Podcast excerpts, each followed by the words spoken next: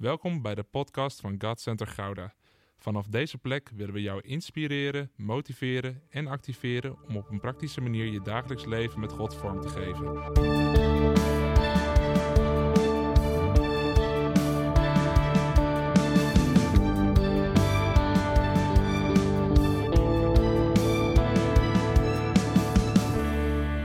Deze boodschap die, eh, die was eigenlijk als bijna het eerste, was, was die al helder voor me van de serie waar we nu in zitten, drie keer de eerste van de maand.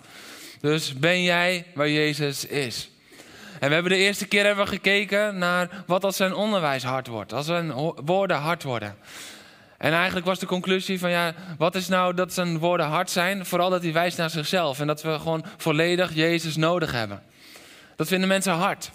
Dan gaat het te veel om Jezus. Ja, maar er is toch meer? Nee, er is niet meer. Hij is het leven. Hij zegt, ik ben de weg, de waarheid en het leven. Nou, veel meer is er niet. Ja, alles wat je stuk maakt is er ook nog, maar daar moet je verder van blijven. Dus daar hebben we de eerste keer naar gekeken. Maar we zagen in Johannes 6, vers 66 dat velen verlieten hem vanaf dat moment. Dus als het woord van God krachtig gepredikt wordt, dan gaan mensen je verlaten. Weet je, dit is ook waarom de kerk zo vaak bang is om nog met de waarheid te komen. Want de waarheid is liefde, maar liefde komt soms hard binnen. De liefde is niet hard, maar het komt soms wel hard binnen. En omdat het hard binnenkomt, verwarren mensen dat met dat het een harde boodschap is. Maar het is een boodschap van liefde en genade. En die liefde en genade heeft beter met je voor en meer met je voor als al dat andere. Alleen het komt zo hard binnen. Want het confronteert zo vaak met de huidige staat van ons eigen leven. En dan kan je twee dingen doen. Je kan volgen of je kan vluchten. Het tweede waar we naar hebben gekeken in juni was het verhaal van Zacchaeus. Jezus die de duisternis gewoon ingaat. Die bij een tollenaar gaat blijven, gaat eten en tijd heeft. Ja, maar dan wordt het ingewikkeld. Dan wordt het ingewikkeld als Jezus gaat op plekken waar we eigenlijk vinden dat we niet zouden moeten zijn. Maar Jezus zegt maar, ik zend je erheen. Gaan we waar Jezus is? Of staan we, zoals de hele menigte, buiten? Te morren. Dus even een korte recap van de afgelopen twee keer om te komen op het punt waar we nu zijn. Maar misschien denk je van, ach, waarom? Het zijn toch boodschappen op zich? Nee, want aan het einde gaan we ze alle drie nog even samen pakken vanuit één tekst van Matthäus. Maar vandaag kijken we dus naar als Jezus recht gaat brengen. Want dat is wat hij deed. Hij bracht recht overal waar hij ging. Volg je of vlucht je? Volg je of vlucht je? Want wij denken vaak dat het evangelie brengen en recht brengen, dat komt door kracht, door woord, door wonderen, door tekenen. Maar vandaag gaan we zien wat als recht brengen alles te maken heeft met het brengen van een offer, door een kostprijs en door nederigheid. Volg je of vlucht je? Jezus bracht recht door het kruis en niet door een kroon of een troon. Door het kruis kwam hij op de troon draagt hij de overwinnaarskroon. Maar hij bracht recht door het kruis. En het kruis is niet de plek waar graag mensen rondhangen. Zo, dat is een hele slechte uh, woordkeuze.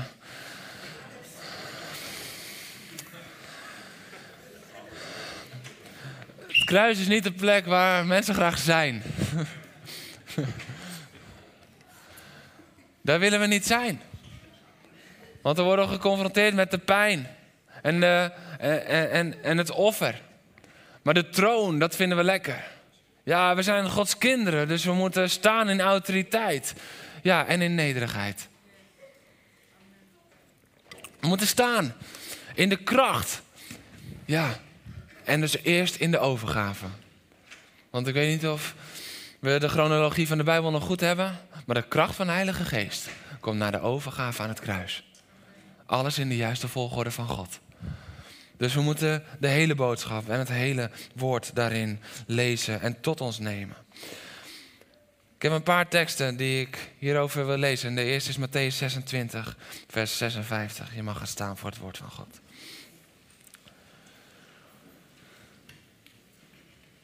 We bevinden ons midden in de nacht, op het moment dat Jezus gevangen wordt genomen. En het gaat met potentieel geweld. Want ze staan daar alsof ze een grote crimineel moeten inrekenen. Terwijl die al die dagen gewoon onder ze was. We lezen het straks ook in Marcus. En dan staat er in vers 56. Maar dit alles gebeurt opdat de geschriften van de profeten in vervulling gaan. Dit is wat Jezus zegt. Daarop lieten de leerlingen, alle leerlingen, hem in de steek en ze vluchten weg. Marcus 14 vanaf vers 45. Toen hij eraan kwam, en hij is Judas, liep hij recht op Jezus af, zei rabbi en kuste hem. Ze grepen hem vast en namen hem gevangen. Een van de omstanders trok een zwaard. We weten vanuit de andere evangelie dat het Petrus was. En ging een dienaar van de hoge priester te lijf en sloeg hem een oor af. Dus het is volg je of vlucht je. Maar soms zit er ook nog wel iets in als vecht je. Maar vechten was er ook niet de weg van Jezus hier. Soms kunnen we opgaan in ons menselijke gedachten. We moeten ervoor vechten. We moeten vechten. We moeten... Nee, we moeten hem volgen. We moeten hem volgen en dan zal je niet bij vechten uitkomen. Jezus zei tegen hem, tegen hen: U bent met zwaarden en knuppels erop uitgetrokken om mij te arresteren alsof ik een misdadiger ben. Dagelijks was ik bij jullie in de tempel om onderricht te geven en toen hebben jullie me niet gevangen genomen. Maar dit gebeurt omdat de schriften in vervulling moeten gaan.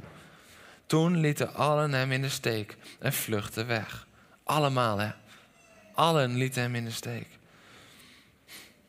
Een jonge man die alleen een linnen kleed aan had, probeerde bij hem te blijven. Maar toen ook hij werd vastgegrepen, liet hij het kleed in hun handen achter en vluchtte naakt weg. Je mag gaan zitten.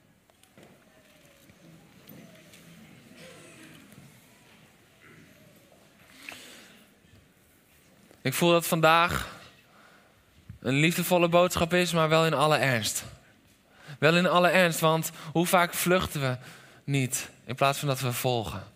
Hoe vaak is het niet zo dat op het moment dat het echt donker wordt en als het echt lastig wordt, als het echt iets heel veel gaat kosten, dat het van het volgen van onze woorden, het vluchten van onze daden wordt?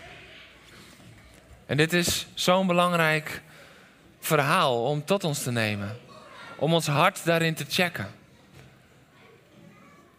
Deze twee verhalen, die één verhaal vormen, gaan niet over mensen die Jezus net hebben leren kennen. En ze komen erachter dat het toch wat anders gaat dan dat ze dachten. En ze denken, oh nee, toch, toch maar niet. Nee, dit gaat over vrienden. Dit gaat over vrienden die drie jaar met hem zijn opgetrokken. Dit gaat over vrienden die drie jaar hem overal zijn gevolgd. Dit, dit gaat over vrienden die alles voor hem achterlieten om met hem mee te gaan. Vrienden die de testen hadden doorstaan, menselijk gezien. Ze bleven hem volgen, want deze waren wel overgebleven. Toen in Johannes 6 bijna iedereen hem verliet, omdat zijn woord te hard was, bleven zij wel. Dit waren de vrienden die wel met hem meegingen. Dit waren de vrienden die wel met hem meegingen richting Jeruzalem, terwijl ze wisten dat het hoogspanning was. Maar op het moment dat dan duidelijk wordt, daar in die nacht, maar wacht eens even. Het gaat nu niet alleen meer om de veiligheid van Jezus, maar het gaat nu ook om mijn veiligheid. Ze zijn hier met wapens en met fakkels zijn ze gekomen.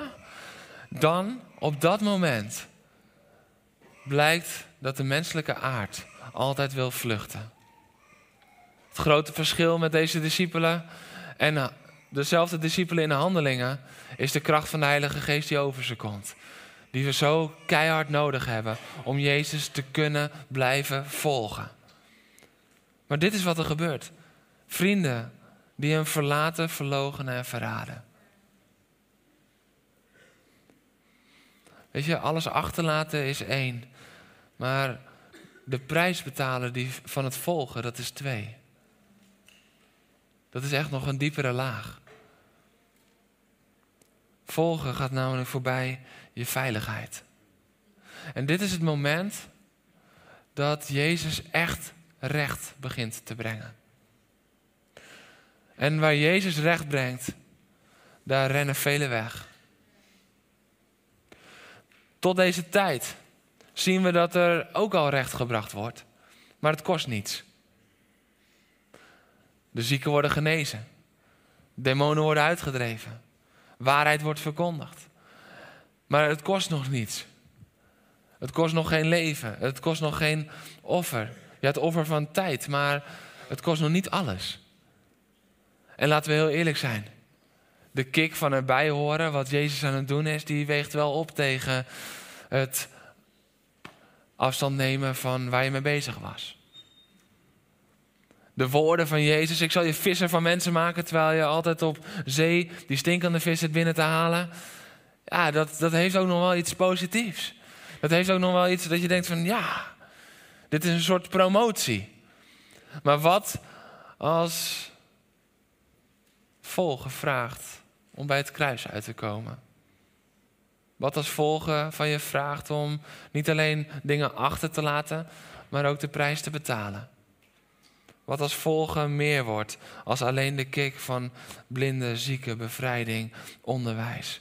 Volgelingen, halleluja, succes.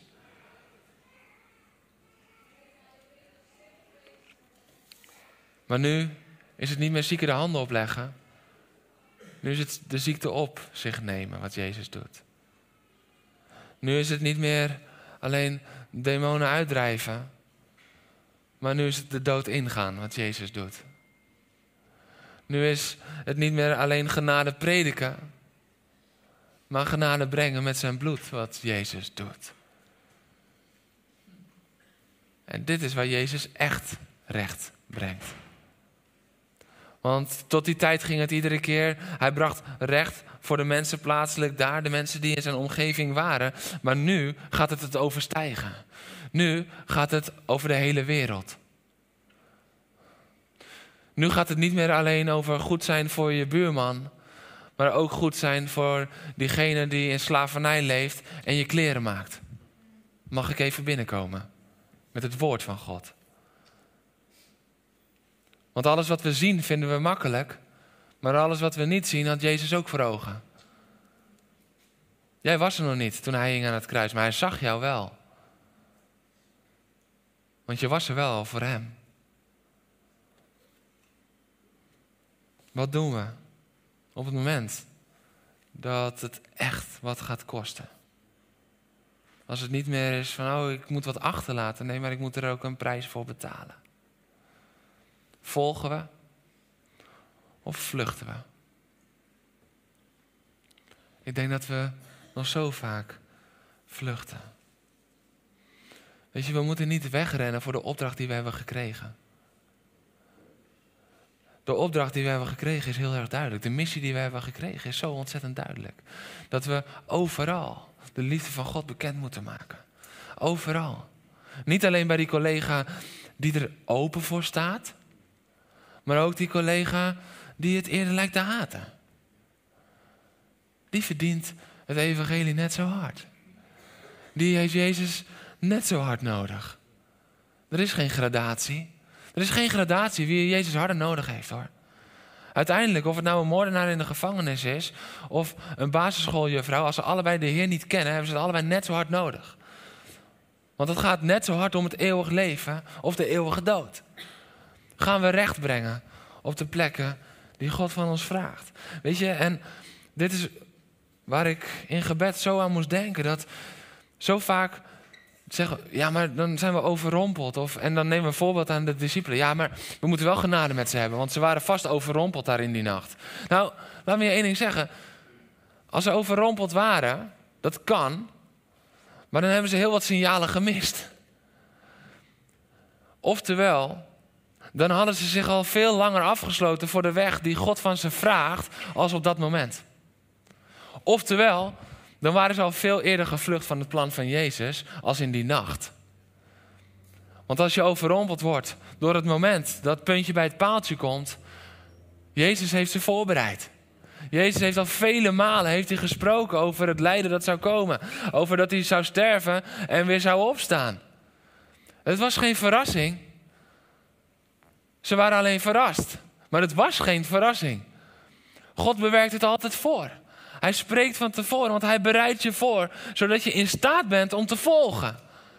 Maar als we ons hart daar al voor sluiten, weet je, ik ben ervan overtuigd dat er zijn mensen die openstaan om naar het buitenland gezonden te worden. En er zijn mensen die gezonder zouden moeten worden, maar die hebben hun hart er gewoon voor gesloten. Er zijn mensen die financieel dingen zouden kunnen doen voor het koninkrijk van God. Die grote doorbraken zouden brengen. Maar die komen daar niet. En als er dan in een dienst een keer een oproep wordt gedaan, dan zijn ze er bij wijze van spreken door verrast. En dan vluchten ze ervan. Maar het is geen verrassing dat God iets van ze vraagt. Want hij heeft het al lang en al lang en al lang voorbewerkt, maar je hebt je hart ervoor gesloten. Er zijn mensen die geroepen zijn om de straat op te gaan en het evangelie te brengen. Er zijn mensen die geroepen zijn om als manager in het bedrijf waar ze aangesteld zijn veel meer effect te hebben als dat ze nu brengen. Alleen je bent gevlucht voor die moeilijke opdracht van het recht brengen. Want weet je, bevrijding brengen, genezing brengen, noem maar op. Jezus kon het allemaal doen zonder nog aan het kruis te gaan. Weet je, we, daar zit een diep iets in, hè?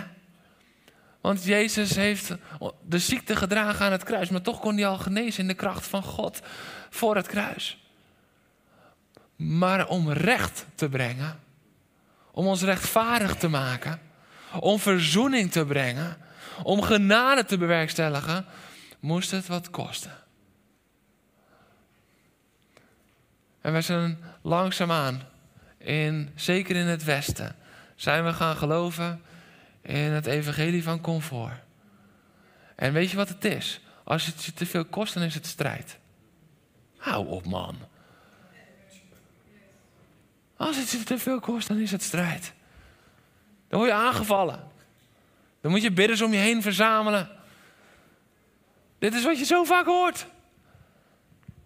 Als het je wat kost, dan ben je misschien wel eens veel meer op de goede weg als al die jaren ervoor. Ja. Stel je voor dat Jezus zo dacht. In het hof. Dat hij daar knielde bij de Vader. En dat hij in plaats van niet mijn wil, maar uw wil. Dat hij zei: Heer, ik heb strijd. Dit is niet van u. We moeten hier tegen gaan strijden. Dit is niet goed. Stel je voor dat hij had geluisterd naar Petrus. Want we hebben allemaal een klein Petrus-syndroompje. Dat op het moment dat Jezus zegt, dit gaat ons wat kosten, dat we zeggen, ga achter mij. Ik volg u niet. Dit is niet waar. God verhoede het. En dat Jezus' antwoord ook is, ga achter mij. En dan heeft hij niet tegen jou als persoon Satan, maar wel de gedachten van Satan. Die willen duidelijk maken en die willen doen lijken alsof het alleen maar ons comfort is. En het draait meer om ons als om Jezus. Dat als je het niet wilt horen, betekent niet dat het niet Jezus wil is. Hij wil recht brengen. Hij heeft het gebracht tot in het diepste. Tot in het aller, aller, aller, allerdiepste. En hij wil dat wij dat ook doen. Hij verlangt ernaar. Dat zijn lichaam doet en voortzet wat zijn lichaam gebracht heeft. Zijn lichaam heeft het al gedaan. Maar doet zijn lichaam het nu nog steeds? Weet je, hier werd ik door geraakt toen God dit openbaarde. Ik moet dit nog verder uitwerken, maar ik wil je een kleine preview geven. We zeggen altijd, Christus is, hij, is hetzelfde. Toen, nu en voor eeuwig. Maar toen werd ik er zo door geraakt. Dat ik voelde vanuit het hart van God. Dat is het lichaam van Christus nog steeds hetzelfde?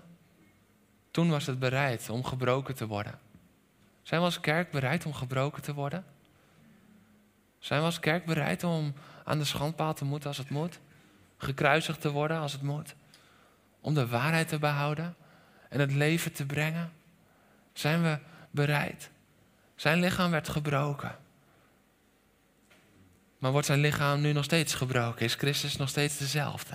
Vandaag. Ja, hij is onveranderlijk dezelfde. Begrijp me niet verkeerd. Maar ik voel het als een appel van God op zijn kerk. Zijn lichaam. Want wij zijn zijn lichaam geworden, zegt het woord. Zijn lichaam toen. Is het nog hetzelfde als nu? Zijn wij bereid om net zo gebroken te worden als hij gebroken werd? Niet om de genade te verdienen. Niet om in zijn aanwezigheid te kunnen komen. Niet om goed genoeg te worden voor hem.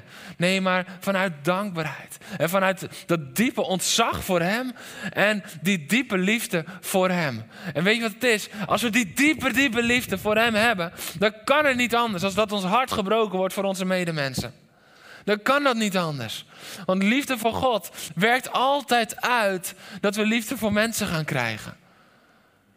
Ik geloof, ik geloof dit zo, dat op het moment dat we niet meer die diepe liefde hebben voor onze medemens, dat dat eigenlijk laat zien dat onze relatie met God op dat moment niet helemaal goed zit. Van zijn kant wel. En in je identiteit nog steeds wel. Je bent niet een ander mens, je bent niet minder belangrijk, je bent niet minder goed, maar je bent wel minder verbonden. Vanuit jouw kant. Recht brengen. Weet je, het is nacht en Jezus brengt recht. Blijf je bij Hem of ren je hard weg? Psalm 82 schrijft over God die opstaat. En ik wil hem even voorlezen. God die opstaat in de hemel. En het is nogal wat. Van zijn troon. De Bijbel spreekt maar zelden überhaupt over hoe het in de hemel precies is. Maar ook over de troon. En, en als we God dan aantreffen, dan, dan is hij zittend op de troon. Maar weet je wanneer je opstaat? Als je iets echt aan het hart gaat. Als je echt zegt, maar, maar nu moet er verandering komen. Maar nu, dit is belangrijk.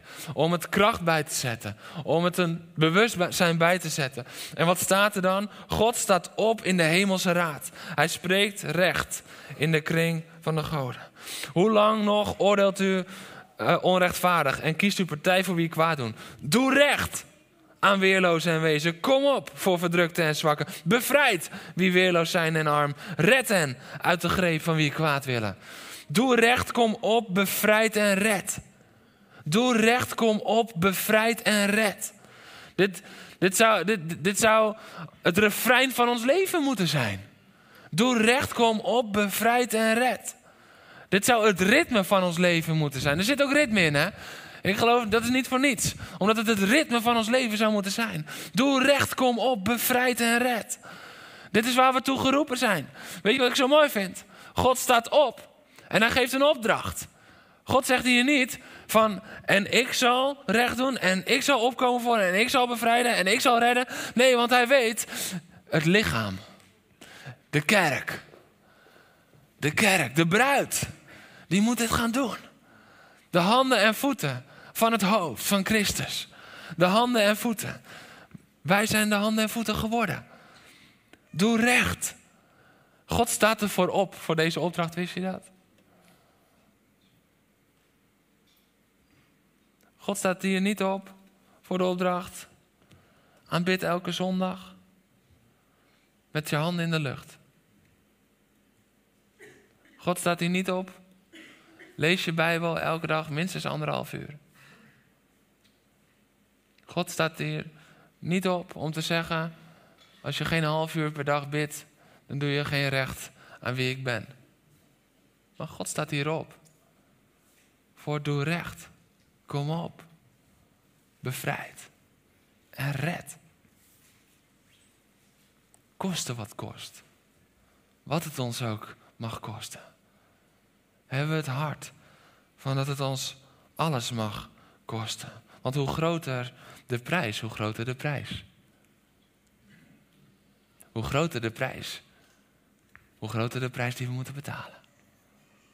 Maar is het het waard? 100 procent. Weet je, ik was, ik vertelde net al even, maar ik was gisteravond in die tent. En ik kon niet alles zien, maar ik zag in ieder geval zes, zeven handen de lucht in gaan. Dat mag alles kosten. Dat mag een vrije avond kosten. Dat mag voorbereiding kosten. Dat mag verrijden kosten. Dat, dat mag alles kosten. Mag het ons alles kosten? En dit is nog maar een klein, simpel voorbeeld. Maar mag het ons kosten of vluchten we? Volgen we Jezus? Ja, Heer, ik wil u volgen, ik wil u volgen. Want dan, als hij zijn koninkrijk bouwt, dan ben ik dichtbij. Ja, maar wat als zijn koninkrijk bouwen inhoudt dat je eerst de duisternis intrekt met hem? Bij Zacchaeus naar binnen gaat met hem. Het kruis realiteit is met hem. De discipelen volgden Jezus continu totdat het persoonlijke dreiging werd. Dus een hele, hele duidelijke. Dit is ook waarom in de landen van waar de kerk vervolgd is. Ik geloof dat ze daar meer huilen om ons als om de vervolging. Ik geloof, en ik weet het ook vanuit getuigenissen. Van mensen die uit de vervolgde kerk komen en die dan een getuigenis delen. Dat, hey, zij maken zich niet zorgen over hun vervolging. Zij maken zich zorgen om de kerk in het Westen. Want ze zeggen, hoe kan het daar zo'n zo'n lauwe boel zijn? Hoe kan, het, hoe kan het zijn dat mensen niet in gebed zijn? Hoe kan het zijn dat mensen niet uitreiken naar hun naasten? Hoe kan het zijn? Hoe kan het zijn? En zij mogen het zeggen, want zij roepen dat uit. Hoe kan het zijn? Omdat ze met gevaar voor eigen leven Jezus wel volgen. En ze zien de westerlingen op de vlucht.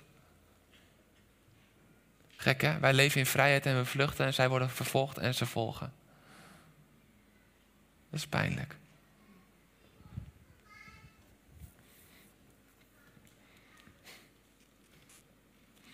Petrus die wil in eerste instantie Jezus nog wel volgen. Dan denkt hij dat hij een geweldig plan hebt, maar het is een geweldplan. En Jezus zegt: Nee, zo gaan we het niet doen. Dit is niet, dit is niet mijn weg. Ze komen zo omdat de schrift in vervulling moet, gaan. Maar dat is ook mooi, hè? Dat als Jezus het heeft over. Maar het woord moet in vervulling gaan. Dat er een prijs betaald moet worden. En Jezus, die geneest. En hij laat zich meenemen.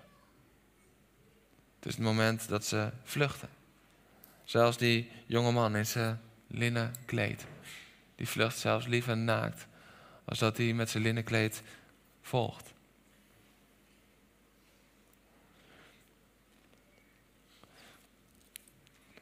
Vaak is het dus uit een stukje angst of een stukje niet bereid zijn. Maar ik zei, Heer, in mijn voorbereiding in gebed. Ik heb het idee dat er nog iets is. En toen moest ik denken aan Jona 4.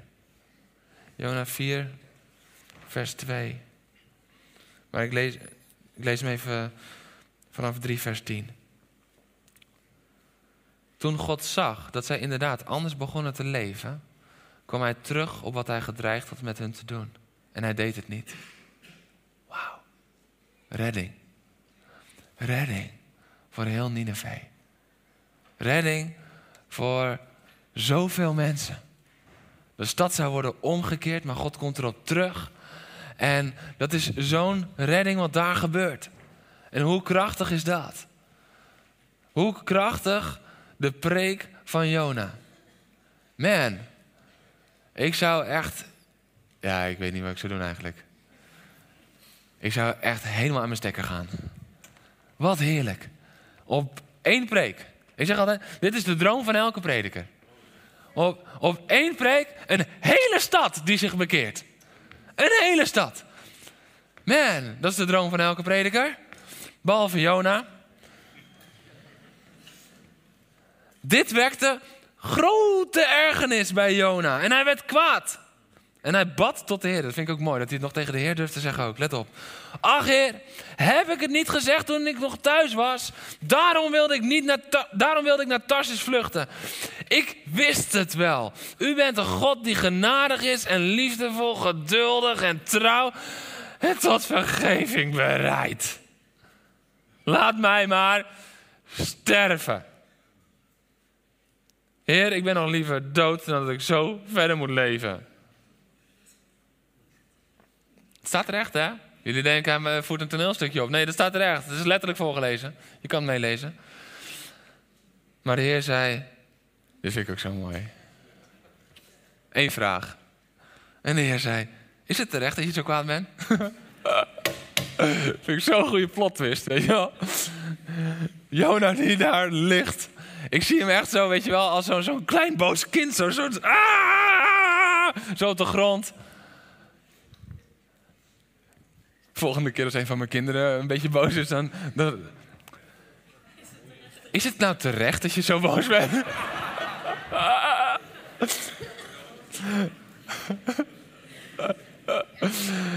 Oh. Ik laat het weten als het is gebeurd, ja. ik ben benieuwd.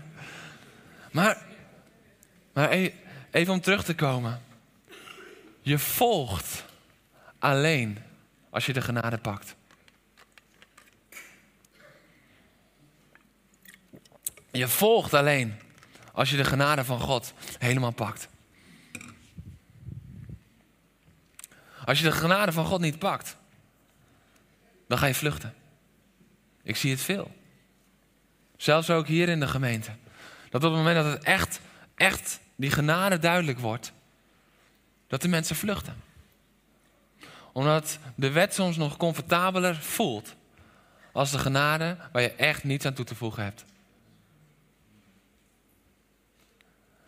Maar eigenlijk proberen we dan nog zelf wat bij te schrijven. Maar er kan niets aan worden toegevoegd, zegt het woord. Het is genade. En zet dat ons dan vrij om maar gewoon een beetje te leven en niet naar Gods wil? Nee, helemaal niet. Want dan heb je de genade ook niet gepakt. Want als je de genade echt hebt gepakt, dan komt er zo'n verlangen om heilig te leven. Om Hem te volgen. Om met Hem te zijn. Om Zijn woord te brengen. Om continu in Zijn aanwezigheid te zijn. Dat werkt het uit.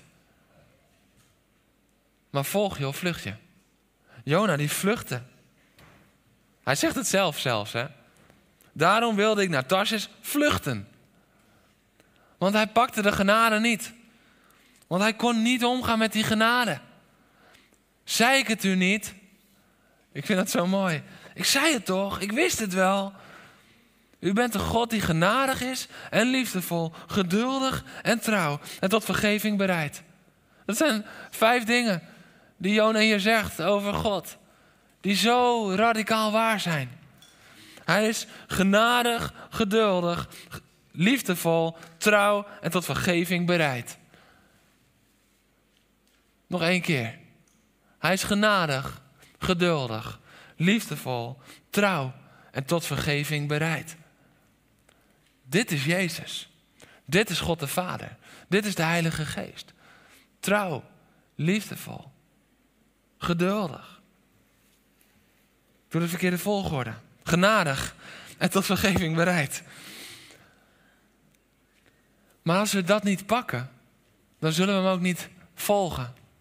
Want dan denken we misschien dat we in onze wettische systemen en, en, en, onze wettische gedachten en ons wettische vinden, dat we hem volgen, maar we vluchten van hem weg. Want hoe kan je de genade niet aanvaarden en wel Jezus volgen? Hij is de brenger van genade. Je kan genade niet aanvaarden zonder Jezus te volgen. En je kan Jezus niet volgen zonder zijn genade te aanvaarden. Maar bewaak je hart. Ik geloof echt dat dit een oproep is vanuit het hart van God. Bewaak je hart. Want als je de God van genade niet kent, dan ga je vluchten. En als je hier zit en misschien krijg je zelfs op dit moment wel de kriebels. Van, ja, maar Jeroen, dat is wel te makkelijk. Nee, dat is niet te makkelijk. Het is de enige weg naar eeuwig leven. Het is de enige weg. Want nog nooit, maar dan ook nog nooit, nooit, nooit. In al die jaren heeft er ook maar iemand zijn weg naar de hemel verdiend. Nog nooit heeft er ook maar iemand de weg naar de hemel kunnen afleggen. Nog nooit heeft er ook maar iemand zo heilig geleefd. Dat hij op eigen werken zijn plekje kon innemen. Dan Jezus alleen. En hij deed dat voor jou. Hij deed dat voor mij. Hij deed dat voor u. Hij deed dat voor ieder mens. De vraag is niet, heeft Jezus het ook voor jou gedaan? De vraag is, neem je het aan? En wees geen Jona. Dit is de hardheid die de samenleving momenteel uitwerkt, ook in de kerk. Dat we zo hard vinden dat dingen niet kloppen, dat we de genade niet meer brengen. Dat we vluchten naar Tarsis. Vlucht niet naar Tarsis, maar ga naar Nineveh. Vlucht niet bij het kruis weg, maar durf Jezus te volgen. Weet je, zonder passie voor de zondaar, passie voor Gods genade, vlucht je altijd van zijn wegen. Waar is onze passie voor de zondaar gebleven? En misschien nog wel iets mooier gezegd, waar is de passie voor al die potentiële kinderen van God gebleven? Die bereid moeten worden met het evangelie. Waak je over je hart, want het bepaalt of je vlucht of volgt. Ik wil afsluiten met Matthäus 16, waar de drie verhalen die we hebben behandeld in samenkomen. In één vers, vers 24. En vers 24 is net nadat Petrus Jezus heeft beleden als de Messias. En op jouw getuigenis zullen we de kerk bouwen. Op dit getuigenis zullen we de kerk bouwen. En dan begint Jezus dus duidelijk te maken dat hij naar Jeruzalem zal moeten gaan om te lijden. En dat hij tot dood gebracht zal worden. En Petrus neemt het terzijde, we hebben het er net over gehad. En dan zegt Jezus dit. En toen Jezus, toen zei Jezus tegen zijn leerlingen: Wie achter mij aan wil komen, even vrij vertaald, wie wil volgen, moet zichzelf verloochenen, zijn kruis op zich nemen en mij volgen. Zichzelf verloochenen, zijn kruis op zich nemen en mij volgen. Zichzelf verloochenen. Johannes 6. Zichzelf verloochenen en niet meer op eigen inzichten, op eigen wijsheden, niet meer op eigen theologie, maar op zijn theologie afgaan. Laat je hart onderwijzen. Verlogen je eigen wil, verlogen je eigen gedachten, verlogen je eigen inzichten en ga op zijn inzichten. Laat het onderwijs van zijn hart toe. Jezelf verloochenen. Dat was het eerste verhaal dat we deelden Waar ben jij? Waar Jezus is. Je kruis op je nemen. Blijf je bij Jezus als het je een offer kost. We hebben het er vandaag over. Blijf je bij Jezus als het je een offer kost. Als het je alles kost. Blijf je bij Jezus als het je baan kost. Blijf je bij Jezus als het je, huis kost. Blijf je bij Jezus als het familietijd kost. Blijf je bij Jezus als het financiën kost. Blijf het bij Jezus als het status kost. Blijf je bij Jezus. Blijf je bij Hem. Ik had het een paar weken terug dat ik in een tijd van gebed zo ervoer dat de druk op de kerk de komende jaren alleen nog maar zal toenemen. En je hoeft geen profeet te zijn om dat te ontvangen, denk ik, want de signalen zijn al heel erg duidelijk. En ik heb het me altijd al voorgenomen, uw waarheid boven alles. Maar dat ik gewoon opnieuw naar God uitsprak. Heer, al moet ik aan de publieke schandpaal, ik volg u. Ik volg u. En dat is niet om even naar mezelf te wijzen van, goh Jeroen, wat doe je dat goed. Maar om te laten zien, in tijden van gebed, God gaat dingen van je vragen. Maar vlucht je of volg je? Sommige mensen die zijn zo bedreven in het vluchten dat ze niet meer bidden. Kan die ook niks vragen. Maar vlucht je of volg je? Als je niet meer bidt, weet dat je op de vlucht bent. En hij verlangt ernaar dat je weer volgt. Je kruis op je nemen. Mag het evangelie echt je hele leven kosten? Mag het echt je hele leven kosten? En niet alleen je leven wat je nu leeft, maar ook het toekomstplaatje wat jij zelf hebt ingevuld. Mag het je leven kosten. Voor de weg, de waarheid en het leven. En dan, en mij volgen. En dat vond ik altijd een beetje dubbel op. Ja, wie achter mij aan wil komen, moet mij volgen. Ja, vrij logisch, denk je dan. Maar in het verhaal van Zacchaeus. Als hij de duisternis ingaat, als hij dat huis binnengaat, waar iedereen denkt, uh, wegblijven. Volg je hem? We moeten onszelf verloochenen, onze gedachten kruisigen. We moeten ons kruis op ons nemen, de kostprijs willen betalen. En we moeten hem volgen. Want weet je wat? Als we hem niet volgen, dan missen we totaal het doel van ons leven. Als we Hem niet volgen, bereiken we mensen niet met het evangelie. Ja, maar als we het nou zo doen dat we zo aantrekkelijk zijn als kerk, dan komen de mensen vanzelf. Ja, goed punt. Niet de opdracht. Mogen we even gevoelig zijn vandaag? Zijn een beetje stil. Ja, als het over de kracht van God gaat, dan zijn jullie uh, ook wat krachtiger in uh, feedback. Uh, laat hem maar binnenkomen, het is oké. Laat hem maar in je hart landen. Maar dit is wel, hè? We, we kunnen geen honingpot zijn alleen als kerk. Aantrekkelijk en dan. Ja, dat gebeurt vanzelf. Maar weet je wanneer je echt aantrekkelijk wordt als kerk? Als je bereid bent om uit te gaan. Als mensen zien van, oh, het is niet zo'n clubje naar binnen gericht, maar ze geven echt om me. Ja. De Bijbel zegt dat de wereld verlangt ernaar. Naar het openbaar worden van Gods kinderen. Ze weten het zelf niet, maar ze verlangen er wel naar. Maar hoe worden we openbaar? Niet door zo, maar door zo. Door recht te brengen. Recht te brengen. Veel te vaak hebben we totale vrede bij wat totaal krom is, wist je dat? Jongen, jongen, dit zijn echt drie boodschappen in één. Oh. Veel te vaak zijn we totaal oké met wat krom is. En dat het Jezus met zijn lichaam droeg, accepteert zijn lichaam vandaag de dag.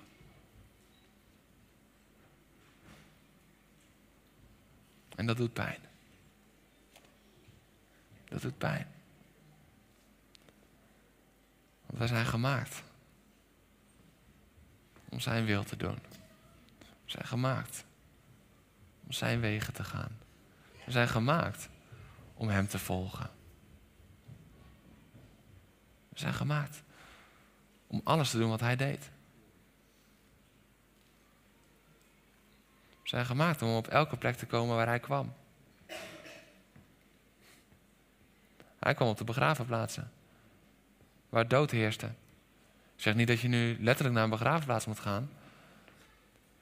Maar ga wel naar de plekken waar de dood nog zoveel macht heeft.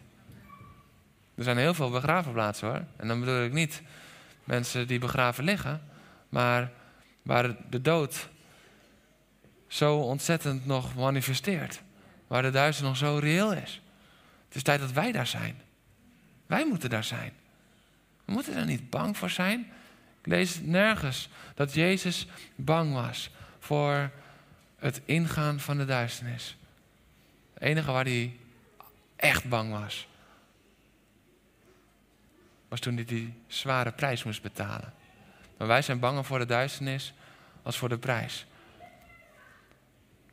En als je maar bang genoeg bent voor de duisternis, kom je nooit in de buurt van de prijs die je moet betalen om erin te gaan. Dus dan is het probleem opgelost. Voor jou persoonlijk, maar niet voor het koninkrijk van God.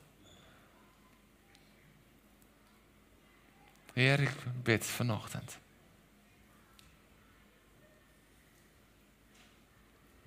Raak ons hart met wat u raakt, Heer.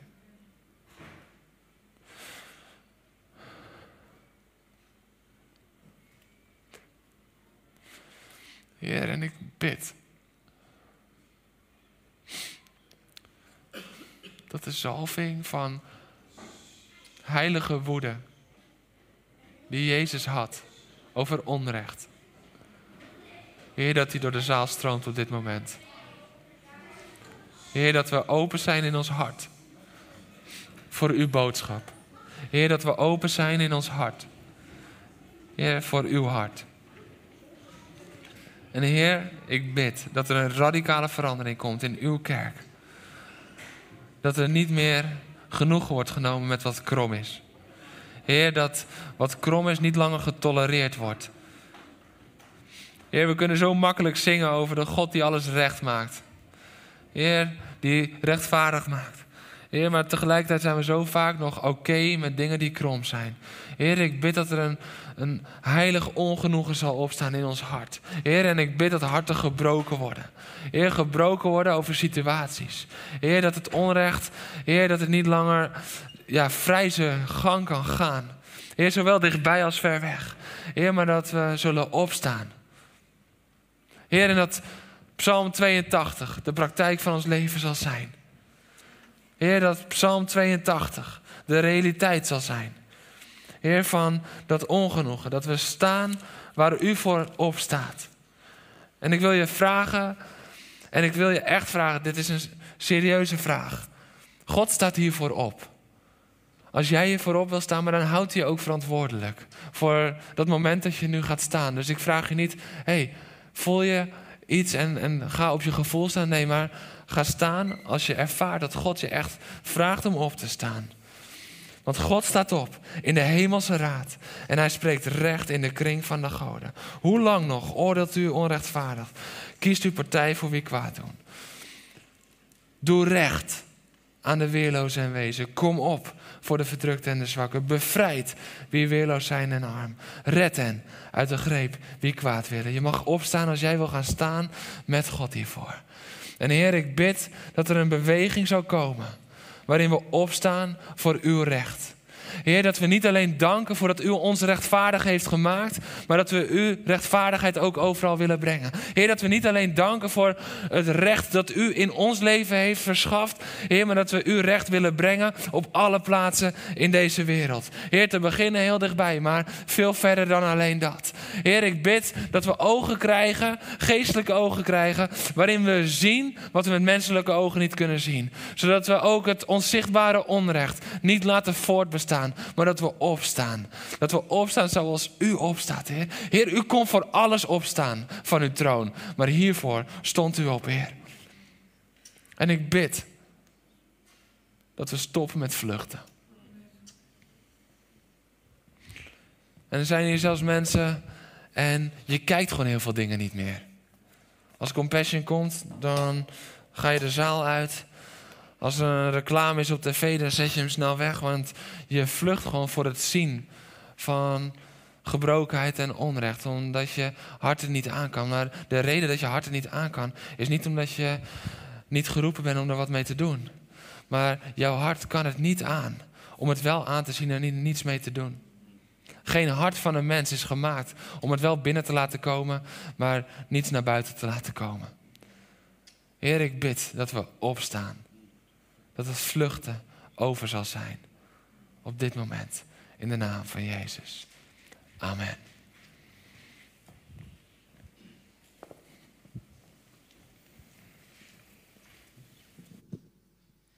Even voor de tekst. Ehm, als je opwekking 471 kan opzoeken, dan willen we die uh, allereerst zingen. Hier raak mijn hart aan. Maak mij bereid uw pijn te voelen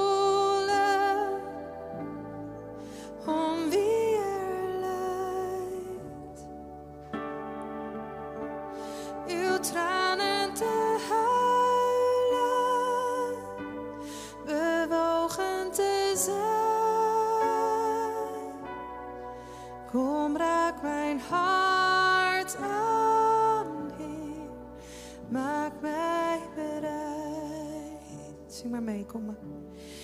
Hier raak mijn hart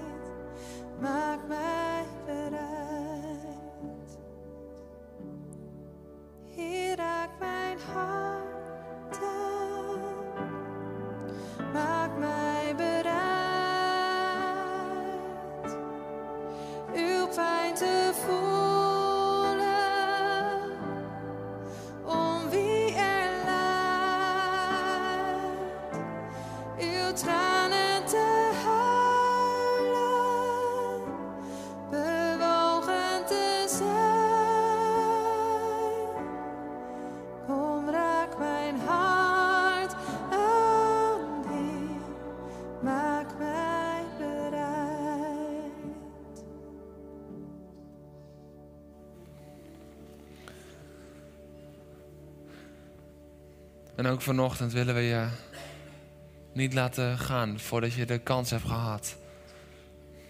Om die liefde van Jezus misschien wel voor het eerst in je leven aan te nemen. Alles wat ik net heb gedeeld vanuit het woord van God, stroomt terug naar dat kruis. Waar hij zijn leven gaf. Voor een ieder.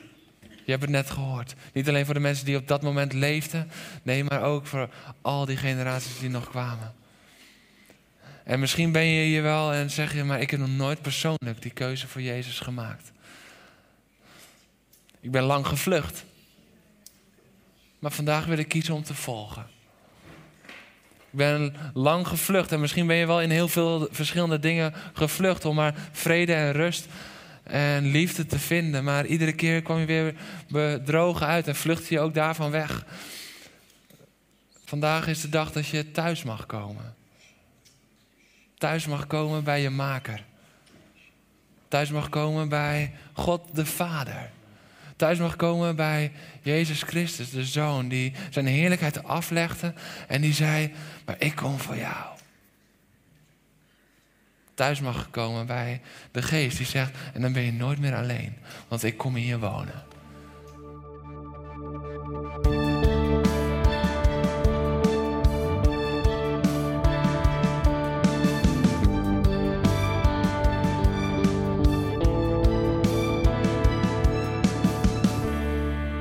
voor het luisteren naar deze podcast. Volg ons op onze kanalen om verbonden te blijven. Heeft deze aflevering jou geraakt? Deel dan op je socials en tag ons, zodat we samen meer mensen kunnen bereiken.